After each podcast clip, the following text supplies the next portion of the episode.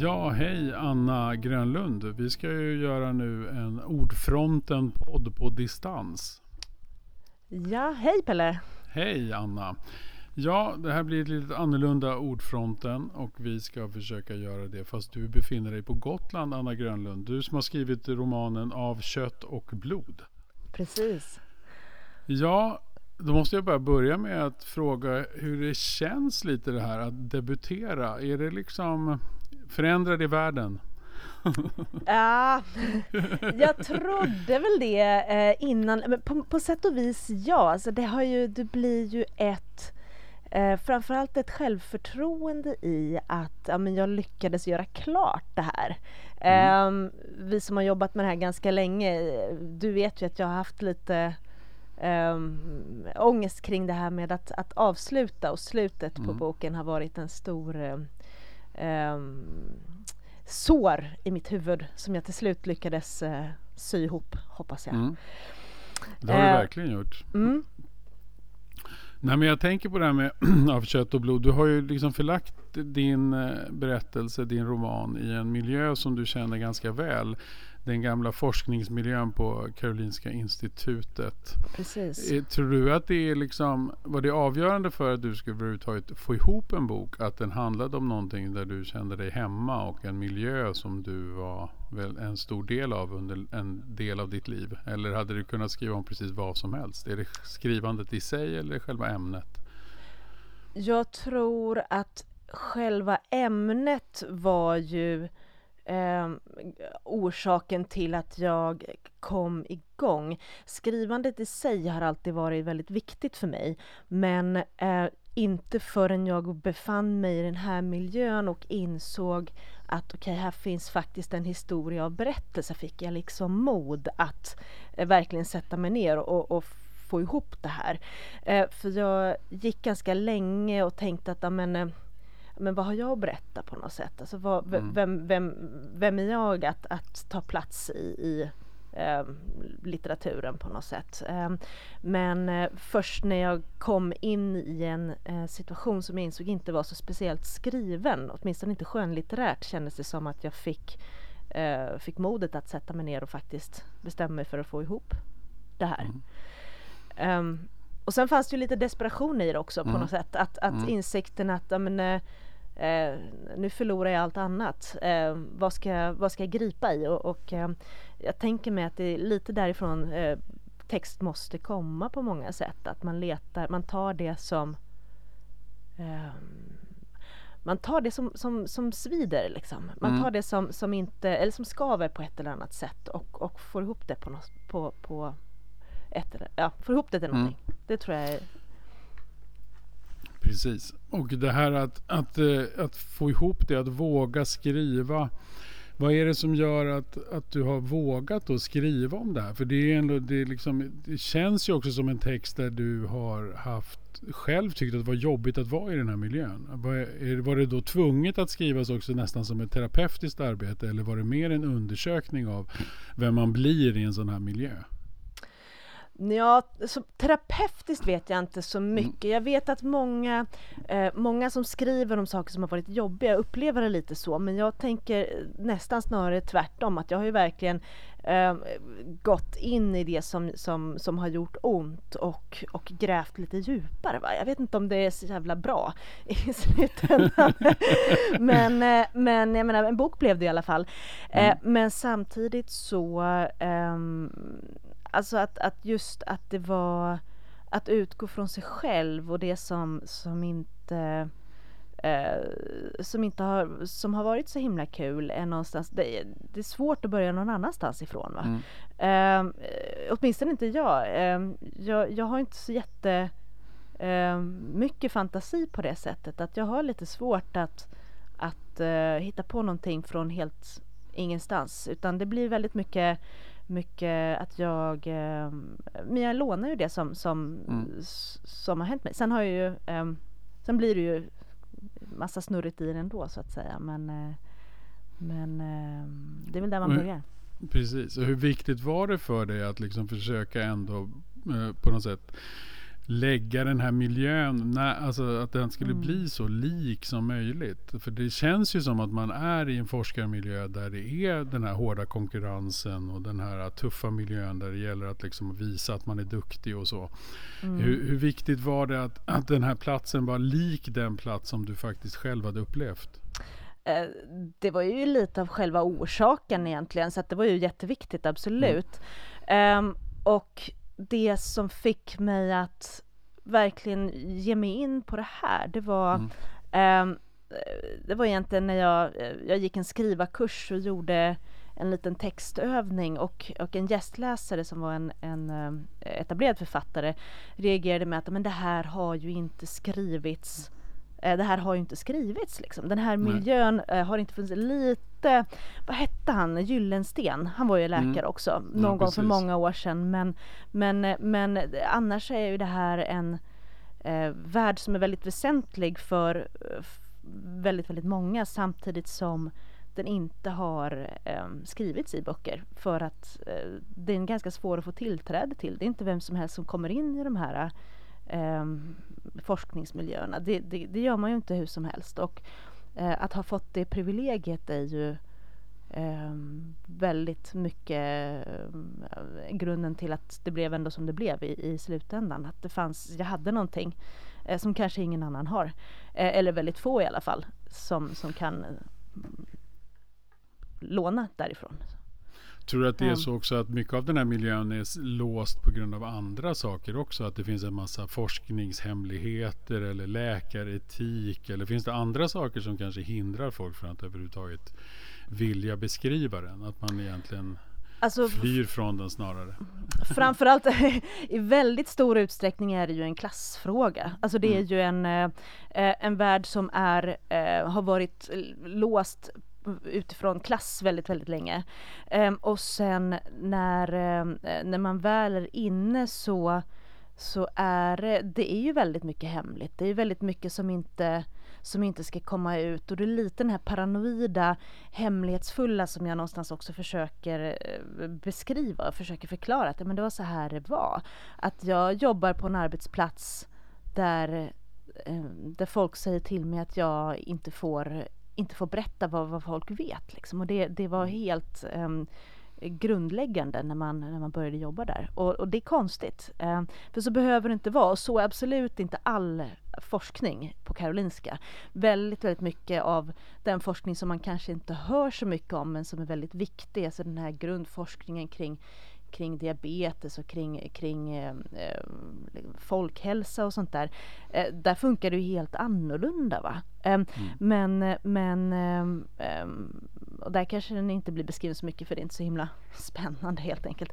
Det händer inte så mycket där. Men, men det är ju viktigt ändå va, eh, tänker jag. Men tror du också att det är så att i det här fallet så var det så är det att det är mycket Eh, alltså den här boken ligger ju ganska nära det som vi kallar Macchiarini-skandalen och som du också skrev faktiskt i, i, tin, i Dagens Nyheter Mm. skrev du en artikel alldeles nyligen om detta också. Ja. Eh, är det så att det är så mycket också pengar involverat just i den här typen av forskning? Alltså att man tänker att det här får inte komma ut av det skälet? Eller är det annan typ av forskarprestige som gör att det blir tyst eller att det är viktigt att det är hemligt? Förstår du? Alltså, Det är ju, jag förstår vad du menar. Mm. Alltså det är ju både och. Alltså det var ju väldigt mycket privata pengar inblandade i, eh, när man kom till stamcellsvärlden och det, det är lite märklig, eh, det var ju väldigt mycket så startup-stämning på något sätt. Det var Mm. nästan lite som innan, eh, jämfört med innan IT-kraschen nästan, att det, plötsligt så var det, eh, och det var ju inte de här stora läkemedelsbolagen som stoppade in pengar utan det var små investerare som hoppades på att liksom någonstans nå en eh, ehm, ja, bli jätterika tänker mig. Så det var väldigt mycket, på många sätt väldigt kreativt också. Så att det var verkligen, tanken fanns ju hela tiden där att men nu ska vi förändra världen, nu ska vi Mm. liksom rädda liv. Och det var ju ehm, kanske naivt men, men ehm, men också det som gjorde att det var väldigt kul. Eh, samtidigt som det blir ju väldigt lätt korrupt när, när eh, eh, massor av pengar från olika investerare blandas ihop med eh, forskningsresultat på ett sätt som, som inte heller är så vanligt annars i forskarvärlden. Och det här är inte bara i Sverige, eh, utan just stamcellsforskningen även internationellt har haft väldigt mycket problem med det här. Det har varit flera stora skandaler, eh, i, både i Japan och i USA, där, där det har visat sig att just stamcellsforskning har eh, korrumperat. Så jag vet inte riktigt varför, men jag tror mycket att det var den här lite upphåsade tanken och, och, och nästan så fantasin om att men nu, nu, nu kan vi göra vad som helst. Um, för vad är det egentligen man, när man håller på med stamceller och som man även gör i din roman. Det är ju mm. det är inte just luftstrupar man forskar på där utan där är det liksom att försöka komma på ett sätt att få hjärtan att självläka mm. på något sätt skulle man väl kunna säga. Vad är det som är det stora med stamcellsforskning om vi bara gör en liten utvikning? Är det det att man tror att man faktiskt skulle kunna skapa nästan evigt liv? Eller vad är, vad är liksom själva stamcellsforskningens, vad är det som gör den så intressant och så också så ja, att den då blir korrumperad? Alltså det som gör det intressant är ju att det finns väldigt stora möjligheter. Um, om jag ska försöka förklara det lite enkelt så mm. finns det ju eh, flera typer av stamceller. Eh, delvis de, en stamcell är ju egentligen en, en människocell som kan bli eh, vilken cell i kroppen som helst. Så det är liksom mm. en cell som man kan ta och så kan du få ett helt öga av den. Det är en mm. cell mm. som du kan ta och så kan du bygga fram ett helt hjärta. Ehm, men samtidigt så ehm, är det ju liksom väldigt svårt att, att um, kontrollera det här. Uh, och det som man är rädd för är ju såklart att ja, men det, det, blir inte ett hjärta utan det blir en cancer. Eller mm. det blir en, någonting annat uh, som inte är så bra i kroppen. Så att det är ju liksom på många sätt uh, själva källan till vad som blir mänskligt liv och det finns ju otroliga möjligheter i detta. Samtidigt som det är en, en kraft som åtminstone jag som har forskat i det känner att ja, men det är ganska långt kvar tills vi har tills vi har begripit alltså hur, man, hur, man, hur man tar hand om det här. Um, och sen är det ju också ett forskningsfält med väldigt mycket etiska frågeställningar. Alltså de här um, stamcellerna måste man ta från um, antingen uh, mänskliga foster eller mänskliga i, i samband med IVF för att det finns liksom äggceller och det är etiskt och religiöst kan bli väldigt svårt beroende på lite vad man har för um, för tankar kring det. Uh, det finns möjligheter att få eh, liksom framvuxna celler i kroppen och backa till att bli stamceller men de är också väldigt instabila så det är svårt. Eh, och eh, det som gjort det lite speciellt är ju också att Sverige är ett av få länder i världen där man faktiskt får jobba med stamceller eh, rent juridiskt. I USA där man är väldigt religiöst till exempel så är det eh, förbjudet. Eh, vilket också gör att man kan attrahera forskare från andra länder just hit för för att vi har en eh, på många, eller på vissa sätt liksom lite mindre eh, alltså lite mindre religiösa regleringar kring detta. Sen finns det ju etiska problemen finns ju fortfarande kvar. Um, Svarade på frågan nu eller ja, men jag tycker nog det, nej, men jag tycker det är intressant. För, men då är det också så, alltså, du menar, är Sverige helt unikt där? Eller är Japan då också ett land där man kanske kan göra sån här forskning? Eller är Sverige eh, helt unikt? Sverige är inte helt unikt utan Japan eh, har också mycket stamcellsforskning. Kina jobbar mycket. Eh, jag tror att Israel också eh, har en lite annan inställning till när livet börjar. Så det här handlar ju på många sätt om när man anser att människokroppen får en själ.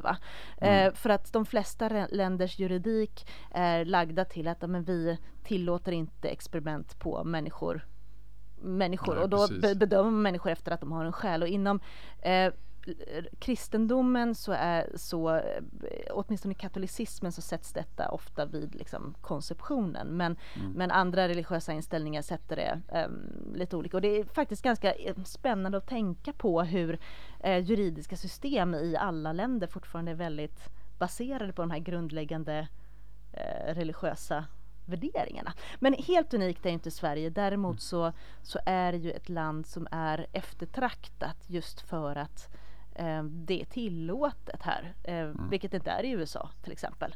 Eh, där väldigt mycket pengar finns men, men eh, är det förbjudet så är det ju eh, förbjudet helt enkelt. Mm. Och då är det också så att den här forskningen, alltså just det som man blev förvånad över var väl att många var så ifrågasättande kring Macchiarini. Men den forskning som bedrivs i din bok av mm. kött och blod, mm.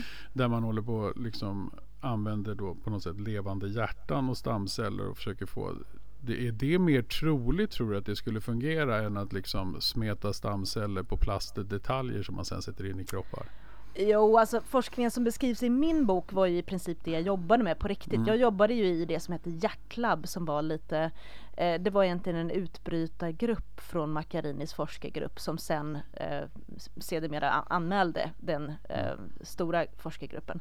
Eh, men ehm, Alltså jag tyckte inte det funkade så bra. ja, det är ju därför jag inte har någon, eh, någon eh, alltså avhandling färdig. Va? För att eh, kanske, alltså det är alltid kul att, att, att tänka. Va? Eh, det är ju jättekul att, att se framför sig en värld där där eh, man kan läka ett brustet hjärta men samtidigt så måste man ju se till, alltså ska vi verkligen lägga Um, ska vi verkligen lägga våra forskningspengar på det när vi kanske borde lägga dem på att utveckla vaccin? Eh, mm. Kanske borde lägga dem på att, att um, bota malaria eller de här stora sjukdomarna som dödar eh, mm. miljontals människor. Ska vi verkligen fokusera så himla mycket pengar in i um, den här science fiction-forskningen. Ja men precis, ja. Mm. precis. Och jag i efterhand kan känna att men, det kanske inte det kanske inte är där vi, vi, och då menar jag vi som, som civilisation, liksom, borde lägga vårt fokus just nu. Det blir lite så space race liksom. Alltså, mm. Ska vi verkligen skicka eh, biljonärerna ut i rymden eller ska vi ta pengarna och lägga dem på att styra upp världen som vi har här och nu? För att det finns ju, att, att man inte har Eh, ett billigt och bra läkemedel mot malaria eller, um, eller alla de här stora sjukdomarna som, som, som, ja, som liksom, cancer eller vad som helst. Ja precis. Ja. Mm. Samtidigt så, jag menar Hjärtinfarkt är en jätteallvarlig, för det är ju någonstans hjärtinfarkt man far efter. Mm. Men, men det kanske inte är um, det här science fiction um, grejen som är, som är lösningen utan vi kanske borde fokusera på något annat. Jag vet inte, jag är inte helt säker på detta faktiskt. Jag har ju eh, behövt fundera mycket kring det här eh, etiken kring forskningen. Det är ju det som jag har gjort mycket i, i det här skrivandet också, att mm. jag har liksom försökt förstå vad, vad vad, fick, vad lockade mig dit? Naturligtvis var det ju att det var spännande va. Mm. Um, det var ju jättehäftigt. Det var ju mm. liksom mm. um, um, Jag såg ju framför mig att jag menar Eh, och det var ju verkligen det. Jag, fick sitta och titta på i mikroskop på små hjärtceller som låg och slog. Va? Det är super, super coolt. Mm. Eh, samtidigt som eh, min man till exempel, han forskar på vaccinsäkerhet. Mm. Väldigt mycket tråkigare forskning men eh, har man fått visa nu. För att, de är ju ganska säkra liksom så att det, liksom, det blir inget spännande någon gång. Eh, men, men det är ju ändå eh, någonting som, som är praktiskt jätterelevant eh, mm. nu för tiden. Så att, ja, men jag har funderat lite på vad det, vad det var, vad, vad som gjorde eh, varför det finns, finns ju med hela tiden i boken också, eller mm. hur? De här uh, frågeställningarna. Hur långt kan man gå? Vad vågar man göra? Mm. Och vad är det som driver en? Och vad, vad, skulle du säga driver de flesta forskarna där inne på den här nivån? Är det att rädda liv eller är det personlig vinning? Alltså att man ska bli helt enkelt känd och duk, alltså få ett erkännande? Eller vad, och hur mycket moral hinner komma mm. in i, i frågeställningen? Hur mycket, hur mycket funderar man över sina etiska ja, de etiska problemen. Ja, så det var det som jag tyckte egentligen var mm. så intressant att se mm. på um, just att se kring, kring de som jobbar med stamceller. För att jag tycker att de här, det här var väldigt, väldigt moraliska personer med väldigt hög moralisk standard. Eh, och som vi kan sammanfatta, för er som inte känner till Macchiarini-affären mm. så var det ju en ganska katastrofal etisk situation där flera mm. patienter på Karolinska eh, plågades till döds i princip. Det blev inte, inte bra.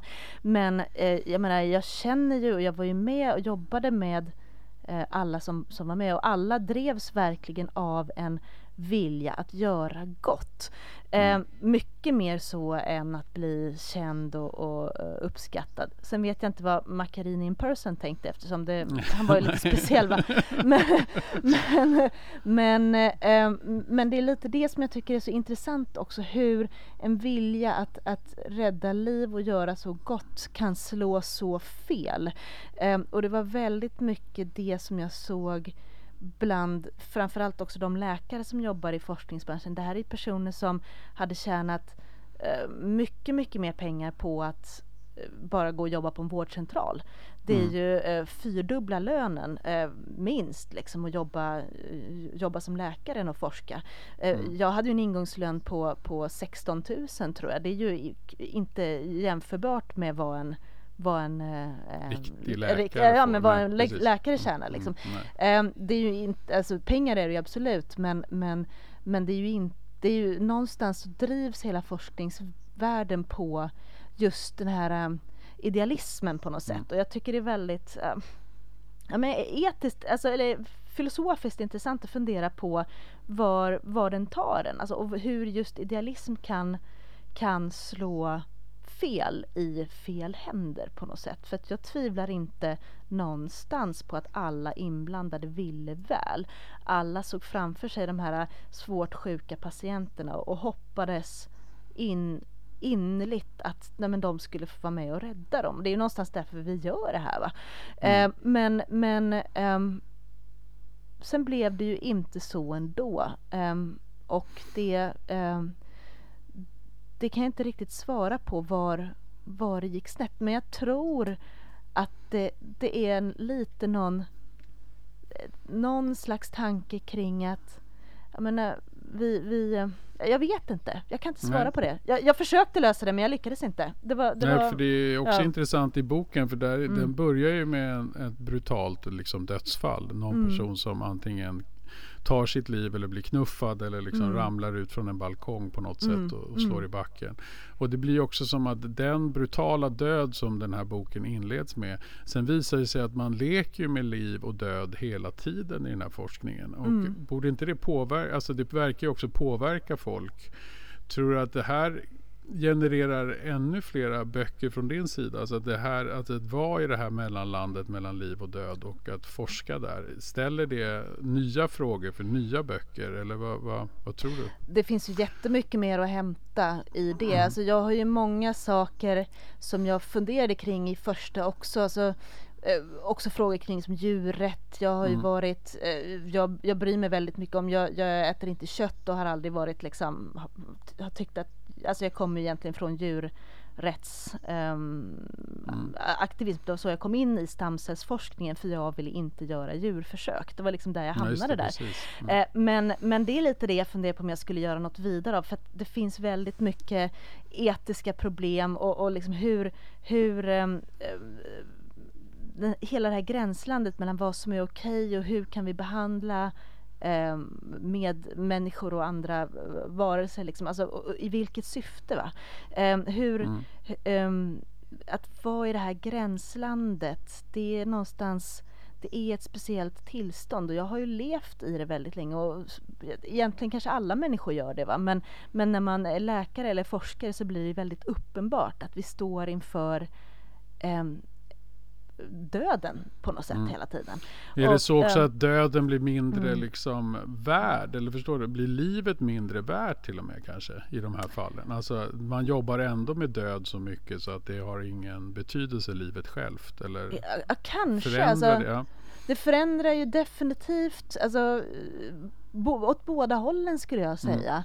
Mm. Um, för att det förändrar ju definitivt min inställning till till döden samtidigt som jag kan ju också känna att det här har ju på många sätt gjort att jag eh, inte ser mitt eget liv som självklart eh, eller ser mina närståendes liv som självklart utan jag vet att men döden är så här himla nära hela tiden ändå. Men det som har ändrat mig är väl någonstans att, att hela tiden vara så nära döden eh, att den är är alltid där va, alltså den är Mm. självklar på Mm. något sätt. Den är mer verklig än, än själva livet för att det kommer ju, vi kommer ju åka på det va, allihopa. Mm. Eh, det är bara en fråga om, om när. Eh, och kanske visst, eh, jag vet inte om värde är rätt sätt att beskriva det men, men man tänker på ett annat sätt kring det. Eh, dö nu eller dö sen. Vi kommer ju alla dö va? Så att, så att man kanske måste, man kanske får en, en inställning till det hela som inte Ja, det är en svår fråga. Jag, jag är lite Mm. osäker själv. Mycket kvar att tänka kring känner jag.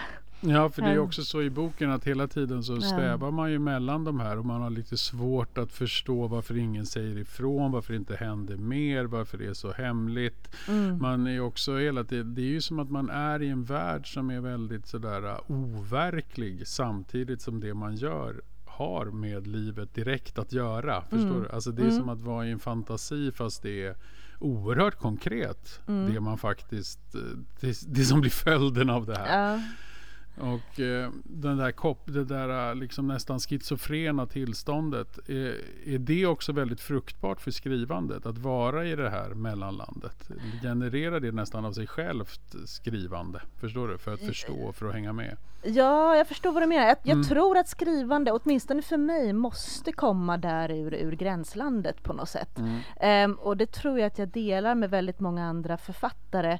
Eh, sen vet jag inte om det måste vara därifrån, men det måste vara det för mig. Alltså det, är- det är ett utrymme mellan livet och döden, mellan liksom kroppen och omvärlden. Alltså det finns ett, ett, ett ehm, det är som ett, ett hål på något sätt. Och Mm. det är där jag försöker ehm, det jag försöker titta på, va? där jag försöker Mm. sätta ord på.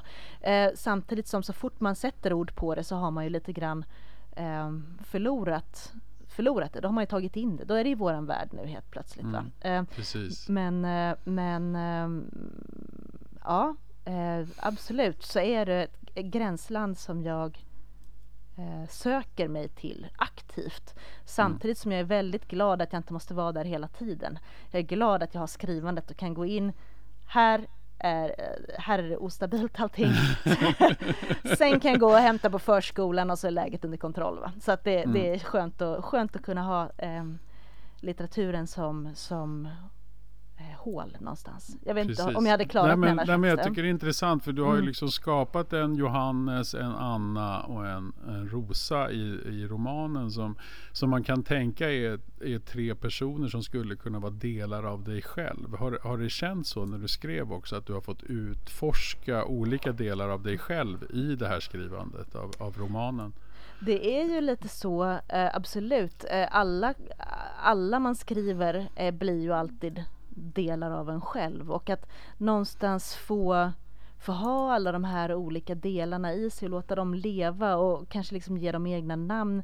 Det är ju eh, kanske patologiskt rent liksom psykologiskt men så länge jag har det, så länge jag får betalt av dig så känns det som jag, jag kanske har läget under kontroll i alla fall.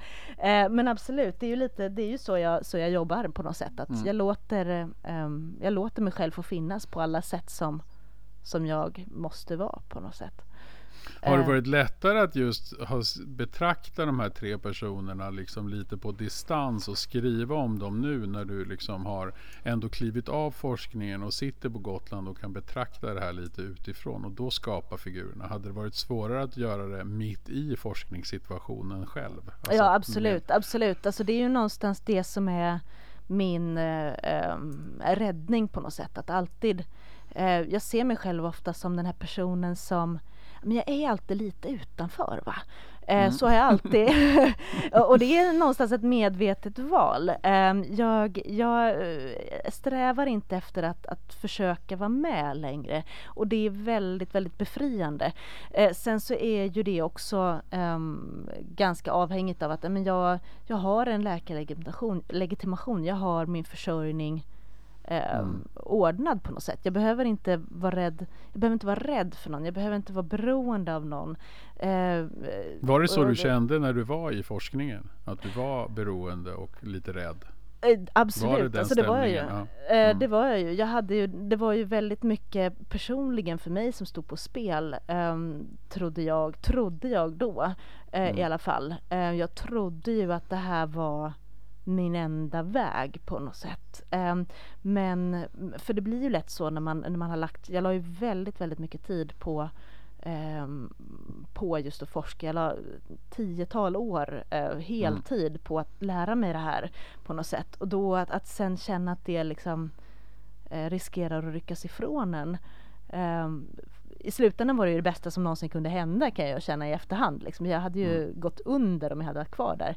Men, men um, det kändes verkligen inte så då utan då kändes det som att ja, men nu, nu är det det här eller så, så är det slut. Liksom. Mm. Um, det här att, att det gick så långt i boken att till och med Johannes då liksom faller ner från den här balkongen eller om han hoppar eller om han blir knuffad, det ska vi inte säga. Men, men hade det kunnat gå så långt tror du, eller kan det fortfarande gå så långt i forskarmiljön idag att det faktiskt leder till till liksom, ja, självmord, mord, alltså sådana riktiga, liksom, att, att människor far så illa i den här um, miljön. Alltså självmord bland forskare är ja. ju ett problem, verkligen. Mm. Um, det uh, gäller även läkare för övrigt. Mm. Det, uh, det, um, det har diskuterats mycket, jag, var in, jag har varit in, involverad i lite så här uh, unga forskare-forum och sånt och det är verkligen ett problem, kanske ännu mer i liksom i, i, länder där eh, man, man inte, vi, har ju ändå en slags grundtrygghet i Sverige, åtminstone mm. hade jag det. Alltså jag kom ju in, jag är försäkringskassa, du vet, allting sånt här löser sig va. Men, men i väldigt många länder är det ju eh, mycket mer som står på spel. Eh, och jag vet att det är väldigt, väldigt många unga som har farit illa. Eh, jag vet att i flera av de här skandalerna som jag nämnde tidigare så har mm. det förekommit självmord. Mord vet jag inte eh, faktiskt, men, men det som någonstans fick mig att börja fundera var att eh, när, när, som började skriva på något sätt var ändå att vi, vi satt och diskuterade, det var en kollega på labbet som som, eh, som inte hade dykt upp på mötet eller någonting sånt där och svarade mm. inte i telefon. Så vi tänkte, ja men vad kan han ha tagit vägen då? Tänkte mm. jag att jag skulle vara rolig och så, så skämtade jag.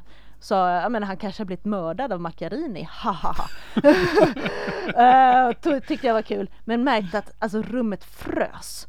Uh, ja. Ingen tyckte det var kul. Uh, det var liksom inte det var inte roligt. Um, och, och det kanske inte var så kul skämt från första början, Men i just den här situationen var det verkligen um, det, var inte, det var inte kul. För att det var liksom någonstans var vi i det läget att, att det eh, nu, nu äh, tror och hoppas jag verkligen inte det gick så långt på Karolinska på riktigt va? Men, men, men äh, det var i alla fall inte roligt att skämta om det kan jag säga. Eh, och självmord, definitivt. Det, det finns ett, ehm, eh, det finns ett, ett problem. Eh, och om någon som jobbar inom liksom, forskning hör det här, så jag menar sök hjälp för fan. Mm. Eh, det är liksom inte okej att man ska gå och må sådär som, som väldigt, väldigt många gör. Jag, eh, och jag själv, jag menar jag satt ju på pendeltåget till Huddinge och grät varje morgon. Liksom. Det, det funkar ju inte va. Mm. det, så kan man inte ha det. men, men där var det liksom, det var det, det var så det var. Och när man tar alla de här unga idealistiska personerna, ger dem förhoppningar, ger dem ganska dålig lön. Um, och pressar dem hårt. Liksom. Ja, precis, precis. Mm. Um, det, det, är inte, det är inte okej faktiskt. Um, och uh, ja, jag hoppas att det blir um, en förändring där på sikt. Uh, det har redan varit, det finns ju mycket fackligt på gång och många, liksom, många som har jobbat med att få till att man åtminstone ska få, jag tror de har fått upp lönen nu till 25 000 i alla fall för, mm. för, för läkare men det är ju inte, det är ju inga jättelöner alls liksom utan det, det, det, men det Ja men det har varit mycket kring det. Många som jobbar obetalt också, ingen övertid och ja men det, det är, inte, det är inte riktigt schysst faktiskt. Nej men det um, tycker jag också att du fångar väldigt, mm. väldigt fint. Det är ju den här mm. stämningen mm. på något sätt som driver hela boken. Det är ju därför man liksom vill, man vänder ju blad faktiskt hela tiden för man vill ju veta vad kommer att hända. Men det beror ju på att den här stämningen är så klaustrofobisk och så mm. faktiskt väldigt, väldigt jobbig. Mm. Även för läsaren. Man förstår mm. ju att Anna och Rosa och Johannes har det väldigt väldigt, väldigt tufft i den här mm. miljön.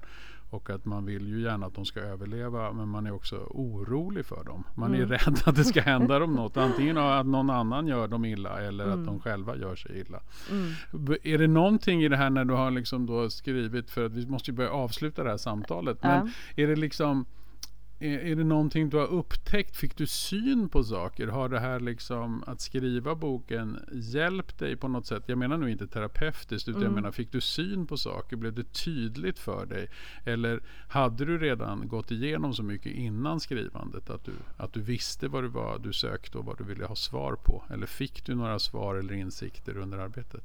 Alltså jag fick, hade ju inga svar alls när jag började skriva utan jag kom, mm. från, kom från ett stadium av total förvirring förvirring och har nu efter, det tog ganska många år för mig att få ihop det här, eh, mm. men, men eh, jag har kommit en bit på väg i alla fall. Jag kan inte säga att jag, eh, jag är klar med detta ehm, rent personligt. Alltså jag tror ju att jag måste gå några vänder till eh, rent andligt eller vad man kan säga för mm. att veta var vad, vad, tycker jag om det här? Vad tänker jag? Alltså, vad, vad, vad, vad vill jag? Det är inte... Eh, och vad är sant? Alltså, vad, vad håller vi på mm. med på något sätt? Um, så att det har varit väldigt viktigt för mig uh, i min... Um, liksom, i mina tankar och min mm. utveckling mm. så. Um, men men jag är nog inte färdig än. Svar har jag inte. Nej, du har inte kommit nog... till någon insikt sådär om någonting som Nej, fan! Nej, Nej, inte än alltså. Jag tror jag behöver några böcker till. Det är inte till. så här, stoppa forskningen nu. Nej, inte riktigt än. uh, men, men jag tror jag måste tänka några omgångar till så att det blir kanske uh, några uh, manusluntar till på din skrivbord snart. Mm. Tror du att det är liksom så att du vill fortsätta jobba med huvudpersonerna från den här boken? Är det Anna och Rosa som går vidare in i nya böcker eller är det en, mm. ett helt nytt perspektiv som ska till? Jag tänker mig att jag måste nog ta in ett nytt perspektiv här mm. faktiskt. Det känns som en ganska avslutad berättelse ändå. Mm. Um, och det finns ju många andra aspekter och många andra röster inom mig och kring mig som, som jag vill ge luft till. Så att, uh, men jag har något, uh, jag har uh, börjat med, med lite grann här och fixat lite så att vi får se vart det tar vägen. Ja, för det är väldigt spännande det att det blir ju som att man, nu har ju inte vi kallat det här rakt ut för en thriller, men det är ju på något sätt i gränslandet mellan thriller och den traditionella romanen, det här mm. osäkerhetslandskapet. Mm. Kommer vi att få se mer av just det landskapet i framtiden också? Är det så här osäkert? Ja, nej, men, äh, och skrämmande? Absolut, ja. absolut. Alltså jag försökte ju, jag tänkte ju, jag, jag började prata, men nästa bok den ska bli trevlig. Den ska bli mm. så mysig. det ska vara sol, En gotländsk idyll. Ja, precis. Men det gick ju åt fanders. Va? Jag, jag har bara kommit mm. några sidor in och så har vi redan börjat med kannibalism. det, det, det, kunde man ju ana. ja, precis. Ja, så vi får se om det, om det blir läsligt ens. Men eh, ja, vi får, eh, ja, jag fortsätter. Jag, eh, någon, någon, någonstans hamnar vi ju. Men gränslandet kommer jag nog inte ifrån faktiskt. Det hade varit så trevligt. Nej. Tänk om jag hade kunnat skriva en, en, en feelgood istället va Pelle? Mm. Ja, Precis. på en strand liksom. Ja det är ju stort nu också. Ja men precis, mm. du, hade blivit, du hade blivit rik. Ja, från... äntligen! Nej jag klarar inte. Nej det får bli Nej. konstiga böcker istället. Men det kanske går, går bra det med. Det går ju alldeles utmärkt. Det här är ju en fantastiskt fin skildring av ett landskap som man, som du sa inledningsvis, vi aldrig har sett förut. Så det är ju otroligt spännande att någon med insikt kan skriva om det. Även om det är svårt att liksom komma till slutpunkter eller komma till slutsatser eller ge moraliska riktlinjer för oss. Ja, men ska böcker verkligen göra det då? Nej, alltså, det tror nej, jag inte. Jag tycker fan inte det. då, då, har man ju inte skrivit en bok, de har ju skrivit någon pamflett eller någonting. Alltså jag, jag vet inte Precis. om det är, det är litteraturens uppgift att, att servera ett svar. Liksom. Det, det får någon annan göra, någon politiker. Men det är så något. taskigt mot oss läsare att du sänker ner oss i detta mor moraliska moras. ja, där fick ni. ja, precis. ja. Men eh, jag tror nog, eh, jag tror nog det är liksom, ja, men det någonstans där man måste göra. Eh, mm. Så får väl jag, jag, kan nog inte servera ett svar för jag har inget än. men, men någon, någon annan kan få göra det. Det finns väl säkert någon kommitté eller något Ja precis, kan- efter många år kanske du kan skriva en handbok i hur vi ska hantera de här frågorna. Precis, precis. Och då blir vi rika. Ja men precis, jag kan ge ut den. Ja, gör så här. Ja, men det blir fint. Ja, toppen. Jättefint Anna Grönlund att du ville komma. Eller ja, du Ja, kom ju inte hit till Ordfronten. Men nej. att vi fick koppla upp oss mot Gotland och prata Ja. med dig om, om eh, Av kött och blod. Tack som så mycket, Pelle. precis har kommit ut. Ja, Ja. Tack. Ha det Tack. bra. Hej. Tack. Hej.